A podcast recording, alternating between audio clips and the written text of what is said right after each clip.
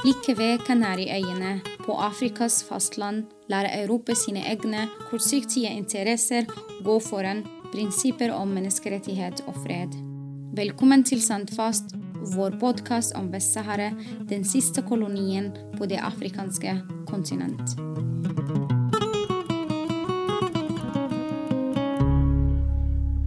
Se for deg at du setter deg ned i sanden i en myk sanddyne. Det er natt, mørkt, og over deg ser du tusener av stjerner. 50 meter nedenfor deg har noen rigget opp et lerret og store høyttalere. Du er midt i Sahara-ørkenen, og ved siden av deg sitter hundrevis av forventningsfulle flyktninger. Du skal se på film, Filmen introduseres av en internasjonal skuespillerkjendis. Fisahara er ikke en vanlig filmfestival. Den spesielle arrangement har pågått hvert år siden 2003. Den ble startet av saharawiske flyktninger selv og av spansk sivilsamfunn og fremme menneskerettigheter og kultur. I dag har vi med oss lederen av festivalen, Maria Carion, Maria er journalist spesialisert på menneskerettigheter. Hun er også leder av Madrid-basert organisasjon som arbeider med kultur og rettigheter i Vest-Sahara. Maria, thank you for joining me. And I know you are tired. You just arrived from the camps uh, yesterday. I'm really glad that you are with me today for this episode about Fi Sahara. So, Maria, how did you i mean what is fisahara Sahara? what does that mean as a word and what is the festival and how did you get into this project hello azria um, greetings to the audience and thank you so much for dedicating this program to fisahara well, it's a human rights and cultural film festival that takes place in the Sahrawi refugee camps. Obviously, film is at the center of it, but it's a lot more than just film. Fisahara has been going on since 2003. It's become many different things, um, but it started off as a festival that would bring attention to the plight of the Sahrawi people. And I was lucky enough to be able to go to the first edition in 2003. And it seemed like this people were just performing magic, even though you could see them running around where their brows sweaty and working 24 hours, you still felt like there was a magical component. It's like, how does this come together in a refugee camp where there's no electricity, very little uh, infrastructure? And all of a sudden, these huge screens emerge from the sand, mm. and there's this huge audience in front of them watching films. So I fell in love with the project from day one. I just couldn't imagine how it was put together. And I could not possibly imagine that one day I would be given the honor of actually being its executive director.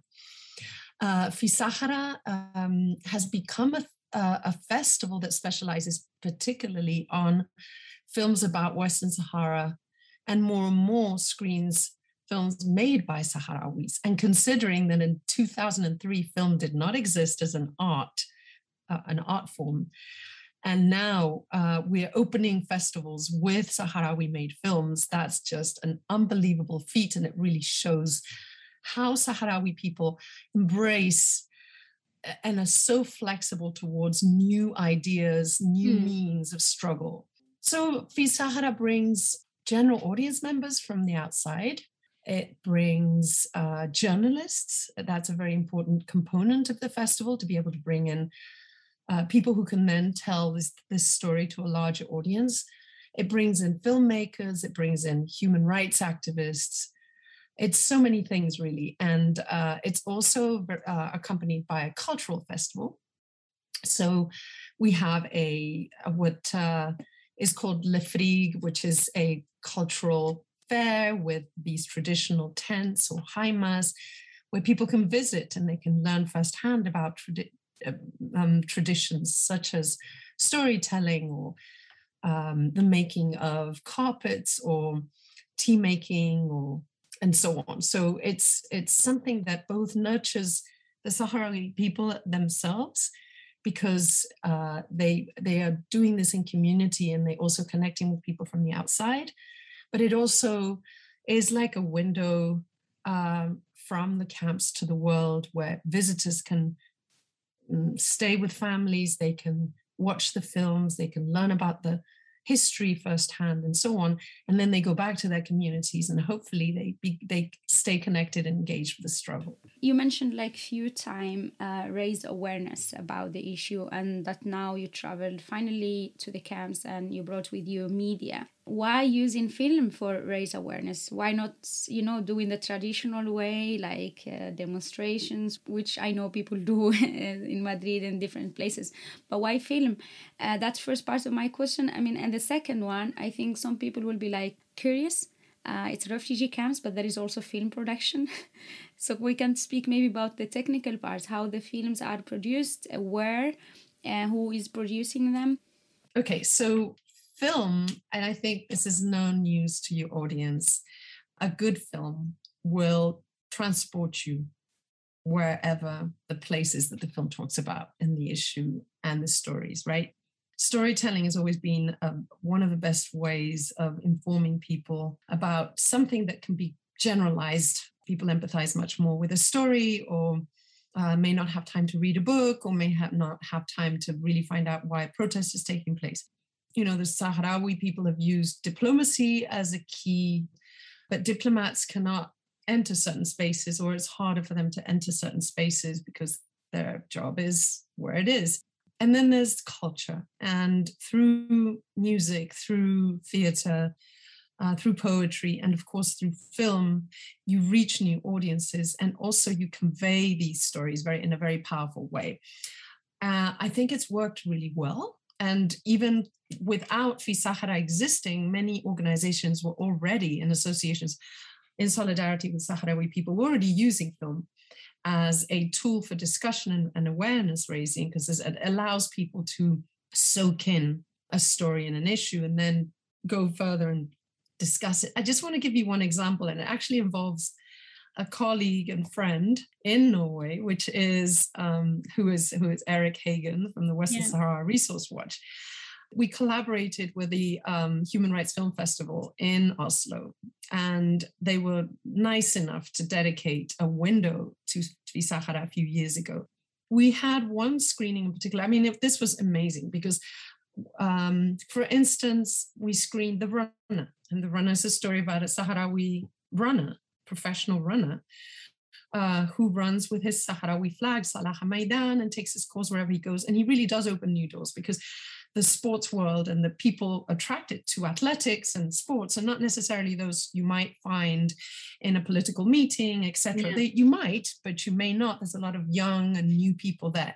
We also took the runner to Vilnius, to the film festival there in Lithuania, with Erik, with Salah, and with uh, Mohamed Khadad, at the time was the Polisario's representative before MINURSO, which is the um, peacekeeping force in Western Sahara, the UN peacekeeping force. Mm. What happened is that on the one hand, Salah was able to reach new audiences because he ran the 10K, the national 10K race that happened to be during the festival. And so sports media became interested in him, and he was able to get a large crowd of young um, athletes to the uh, screening of the runner to learn about Western Sahara but also another screening, uh, which is the Sons of the Clouds, which is a film by Javier Bardem, which portrays sort of the endless diplomatic uh, struggle for justice, and you see it going nowhere on the screen. At that particular roundtable, they had also invited someone from higher up member of the foreign ministry who actually came. And uh, during the the audience had no idea about Western Sahara. They came in not knowing where it was, what it was about. But as they watched the film, you could tell that they were extremely engaged. And by the end of the film, they really wanted the foreign minister to explain uh, Lithuania's position. Sorry, Azria, that was my little dog Jazz who just rushed in through the door to greet me. Um, and I think that's the value that film brings to the struggle, as well as just talking about human rights with a film like Three Stolen Cameras, for instance, people can learn what it's like to be under occupation, what it's like to be an at risk filmmaker, uh, subject to all kinds of violence and surveillance, the fact that there's no freedom of expression, and the fact that as a filmmaker, uh, because the Western Sahara is so close to the outside, and Morocco, the Moroccan government does not allow international media or monitors to come in, that you are the only one who actually, as a witness, can film and share this with the world. And I think those are, you know, very powerful tools. Uh, you don't have to spend much time talking about what's going on when you can actually show it through a 30 60 or 90 minute film. And as you said, like Sahrawis actually they can't travel to tell their story. So it's the film which like doing that. And if you are sitting in Madrid or in Oslo or in Stockholm, uh, and you learn about their stories. You put face on the Sahrawi. It's not the same if you read an article where it says a Sahrawi. But my second part of question, we're talking about the production. As I said, many people will be sitting now are these films made in Madrid or you know in New York or is it actually in the camps or who is making them? And uh, you mentioned about the school audiovisual in the camps, which actually in my camp where I come from. The school is called the Abidin Kaid Saleh Audiovisual School, and it opened its doors in 2011. It's a it was born out of um, uh, workshops that um, FiSahara offered every year for young people who wanted to, well, anyone really, but it was mostly young people going to them who wanted to learn um, sort of the basics of filmmaking. And the workshops usually would end up producing a short film that would be get screened at the end of the festival. So it was a really fast process of putting together something coming up with an idea, a story, filming it, editing it, and bam, it was on the screen, right?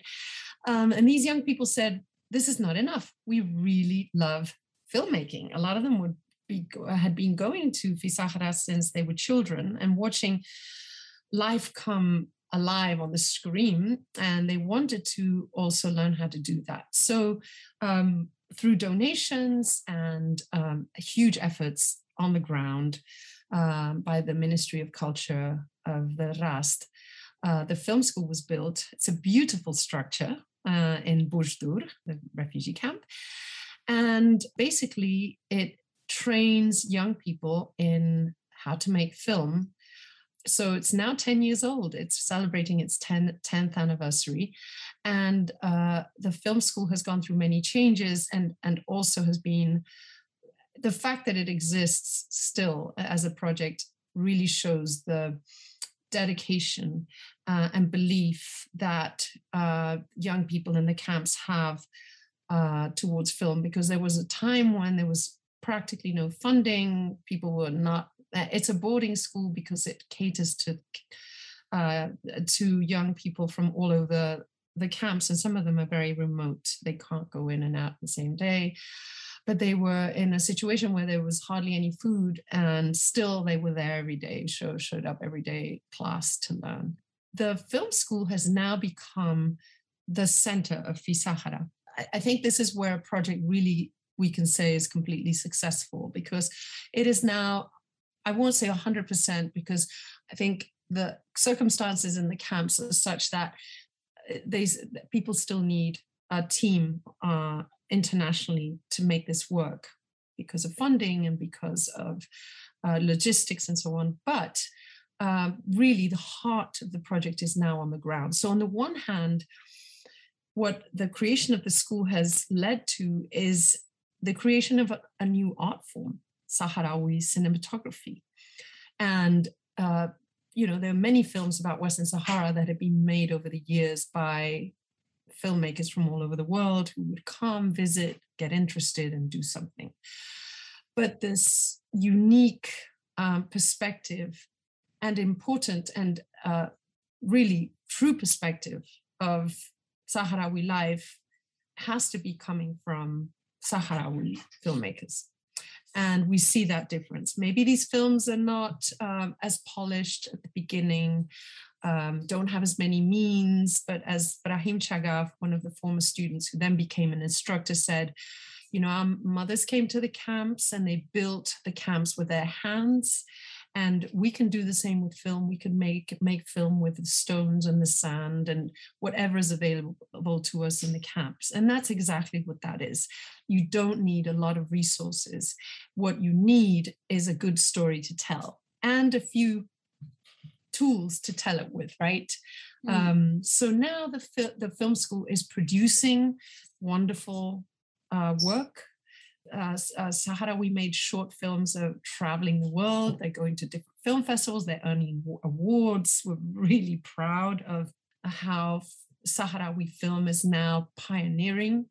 And there are three wonderful films that are um, making the rounds, and uh, one is Tofa, and one is In Searching for Tirfas, and the other is The Price of Beauty. And all three of these films really tell the, stories from Sahrawi perspectives, such as what it was like for Sahrawi women to escape from the Western Sahara when it was first invaded and they, how they built the camps. Another is a story about youth unemployment, and it's actually a comedy, believe it or not, but it really works. And the other is uh, a story about how uh, Sahrawi women are subject to a lot of beauty standards that makes them consume products that are very hazardous to their health. And all three we screened last Friday mm. at a special edition of a one night of Fisahara in Bujdur in your in your camp, in your community, Azria. Mm. And it was a packed house. And it was just a wonderful experience to sort of be back. And at this event, we announced both a local edition of Fisahara, which will be the last uh, week of November, without the big international presence, but really we can say will be the first Fisahara uh, during the pandemic. And then um, later on, and then we will have in December a Madrid Fisahara, a three day event to raise awareness here in Madrid about Western Sahara with Sahrawi made films and other films and roundtables. Amazing. And I hope people they're writing down the, the date I mean, it's very impressive that it's not films that they are produced in the camps are not about only like the cause or raising awareness about the political situation, like occupation of Western Sahara, but also trying to fix or find a solution to local problems in the camps, as the beauty standards, as you said, or unemployment, because being in the camps for such a long time, it also has uh, many, many negative uh, consequences. My next question maria. I'm not expert on uh, organizing festivals but i have been to some film festivals here in oslo and it looks so big and complicated. I guess organizing this sort of festivals entails other challenges uh, than doing it in i mean fi sahara compared to festivals in, in in europe. There must be so many challenges or different type of challenges uh, is uh, complicated and simple at the same time. It is complicated because you need energy sources.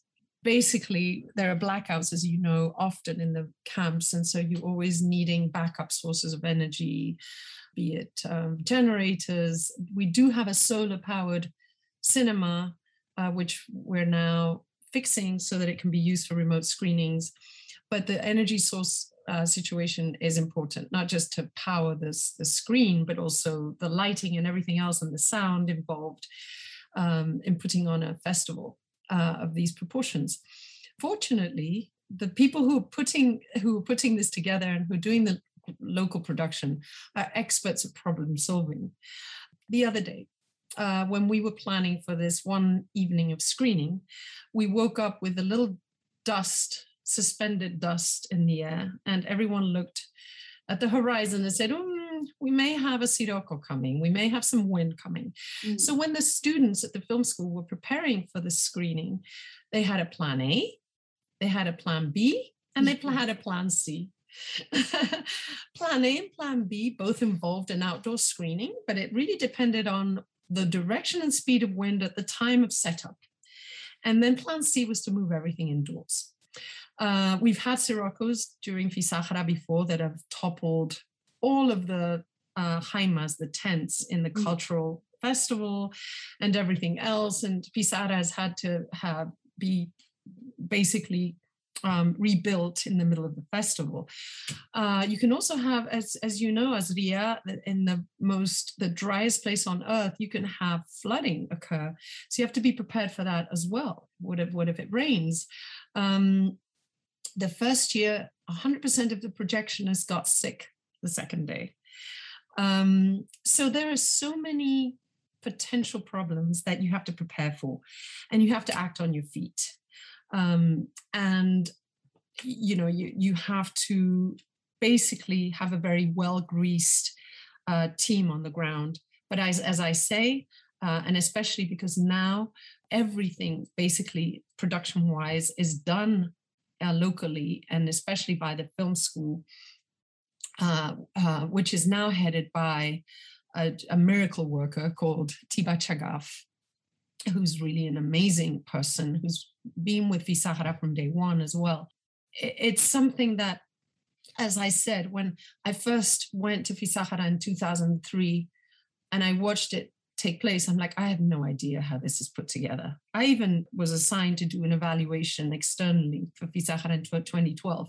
And I spent significant amount of time interviewing people and watching how the festival was got put together. And I still, my conclusion was, I, there's a part of this I don't get, like how they're able to do this, how they're able to o- overcome enormous challenges and problems. So I don't know. It has it it's just if the Sahrawi people can put on a marathon and uh, uh, music festivals and art festivals and you name it on, in the camps, then of course they're able to put on also a film festival. Okay, Maria, I know you are tired. You just arrived yesterday from the camps. Um, thank you for your time. I, I really appreciate it. And I recommend everyone to go and check out Film Festival Fi Sahara. Thank you, Maria. Thank you so much, Azria, and I look forward to seeing you all in Sahara. Hvis du vil lære mer om konflikten, gå til vest-sahara.no.